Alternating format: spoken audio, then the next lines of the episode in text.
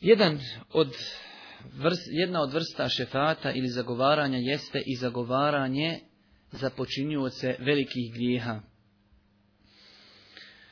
Kada je u pitanju ova vrsta zagovaranja ili šefata, u pogledu nje postoji mnogo razilaženja kod skupina i sekti koje su se deklarisale kao islamski. Osnova razilaženja se vraća na status osobe koja počini veliki grijeh. Znači, općenito gledajući, određene sekte koje sebe smatraju muslimanima i deklarišu se kao muslimani, zauzeli su različite stavove u pogledu ljudi koji su počinili na Dunjaluku veliki grijeh. A na osnovu toga onda dolazi nam i problem pitanja te osobe i na ahiretu. Pa je svima vama poznato, možda ste nekada slušali ili čitali, da su Haridžije smatrali da čovjek koji počini veliki grijeh, da ga to izvodi iz vjeri. Počinio velikog grijeha je nevjernik. Što se tiče stava ehli sunneta po pitanju osobe koja je počinila veliki grijeh i na dunjalku i na ahiretu, njihov stav je da je takva osoba pod Allahovom voljom i htjenjem, tahte mešije. Da je, znači, pod Allahovom voljom i htjenjem. Ako Allah Đelešanu htjedni na sudnjem danu, možemo oprostiti. A ako htjedni, može ga kazniti. Ali treba znati da niko od muvahida, ljudi koji su istinski, izgovorili šehadet istinski, priznali uzvišenog Allaha kao božanstvo koje zaslužuje da bude obožavano, neće vječno ostati u vatri. Oni, znači ti ljudi, muvahidi koji iskreno kažu riječi šehadeta, oni mogu biti kažnjeni vatrom i u njoj ostati jedno vrijeme kao kazna za počinjene grijehe i čišćenje od istih, ali će nakon toga, ako Bog da, milošću uzvišenog Allaha ući u džennet. Mnogo je, braću moja draga, argumenata koji to potvrđuju i osnovi, to je središnji stav i to je rad i postupanje po svim argumentima u tom poglavlju. Znači imamo dvije skupine koji su otišle u dvije krajnosti, a to je stav ehli sunneta, znači imamo skupinu koji kažu činjenje grijeha uopšte ne, ostavlja nikakvog traga na, na počinjuca. To je jedna krajnost. Druga krajnost je da kažu ko počini veliki grijeh da je izišao iz a stav ehli sunneta je da takve osobe može im Allah Đelešanu oprostiti ako htjedni, ako htjedni može i kazniti, ali ako budu istinski vjernici, bilo kada izići će iz vatri. Kazao jedan poznati islamski učenjak koji je napisao jedno veliko dijelo, znači dijelo na koji se maltenesi vraćaju kada je u pitanju akide, vjerovanje, Levamiul Enwar, Es-Seferini, učenjaci ehli sunneta vol džemata imaju jednoglasan stav da u vatri neće vječno ostati nikod vahida, oni koji su iskreno ispovjedali teuhid.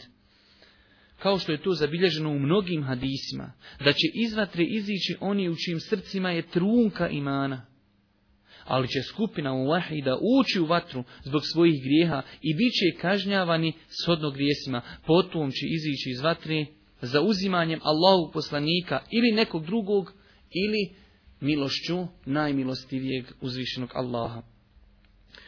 To je znači, hajde da kažemo, stav ehli sunneta po tom pitanju i normalno i logično je da spomenemo neke argumente koji potvrđuju spomenuto. Mnogo je tih argumenata, spomenut ćemo samo neki od njih. Hadis koji je zabilježio imam Ebu Davud et Tirmidhi od Enesa radijallahu te alanhu sa vjerodostojnim lancem prenosilaca kao što je to potvrdio ših Albani da je Allahu poslani kazao šefaati li ehlil kebair min ummeti. Moj šefat, moje zauzimanje je za velikih grijeha iz mog ummeta. Znači ovaj hadis je jasan, jasan da se ne može dvosmisleno shvatiti. Moj šefat je, kaže, za one koji su činili velike grijehe iz moga ummeta. Znači, ovaj hadis je vjerodostojan. Imamo drugi hadis koji je zabilježio imam Buharija, da Allah poslanik alaihi salatu wasalam kazao, opržit će plamin vatri neke ljude zbog grijeha koji su počinili. Kao vid kažnjavana zbog toga, potom će ući u džennet Allahovom milošću izvačije se džehenemlije. Jasno, znači, kaže Allahov poslanik, jedan dio mog ummeta će biti kažnjen vatrom i ostaći određen period u vatri, ali će nakon toga izići iz vatri izvaći se džehenemlije. Dok imate, znači, određenih skupina i sekti koji su kazali ako čovjek jednom uđe u džehennem, nikada više iz njega neće izići. I imate treći hadis koji također vjerodostojan, zabilježio ga ima muslim, koji se može koristiti nedvosmisleno kao argument za spomenutu, spomenutu tvrdnju kada je u pitanju počinio velikog grijeha. Hadis da kaže Allahu poslanika, alaihi salatu wasalam, svaki poslanik je imao dovu koja je primljena kod Allaha. Svaki poslanik je imao dovu koja je primljena kod Allaha subhanahu wa ta'ala. I svako, kaže, od njih je požurio sa iskorištavanjem te dovi. A ja sam svoju, kaže, dovu ostavio za sudnji dan. Koja će, kaže, dova, znači misli se na šefat, koja će obuhvatiti sve oni koji su preselili iz mog ummeta ne pripisujući Allahu sudruga. To je jedini uvjet znači da je čovjek umro na tauhidu, da je umro na ispravnom vjerovanju i to će ako Bog da ta dova i taj šefat, ako Bog da će obuhvatiti sve oni koji su umrli na tome. Znači, bitno je znati, iako ne treba ta pitanja mnogo forsirati, pošto velik broj ljudi o tome malo zna, ali je lijepo, zato i kažemo da su ovo predavanja edukativnog karaktera i lijepo je da čovjek poznaje i osnove i malo više od osnova, postoji dvije skupine koji su otišli u jednu krajnost, a to su Mu'atezile i Haridžije, koji su u pogledu čovjeka koji počini veliki grijeh, onaj, u jednom segmentu zauzeli zajednički stav, a u jednom segmentu se razišli. Kada je u pitanju propis čovjeka koji počini veliki grijeh na Dunjalku, oni su se razišli. Pa Haridžije kažu čafir i na Dunjalku i na Ahiretu. A Mu'tezile kažu on je fasik, griješnik na Dunjaluku, ili su rekli drugi, kaže, menzile bejne ten, kaže, on je stepen između dva stepena. A što se tiče ahireta, on ima i zajednički stav i Mu'tezila i Haridžije kažu, čovjek počinio od velikog grijeha će ostati u džahennemu vječno. Zato kažemo, lijepo je da čovjek zna ove stvari, jer one mogu uzrokovati pretjerivanje u vjeri. Jer čovjek, znači, ako kreni tim stopama i sutra kogod počini veliki grijeh, čafir, i ostaješ već u vatri. I tako to onda onaj može biti pogubno za čovjeka.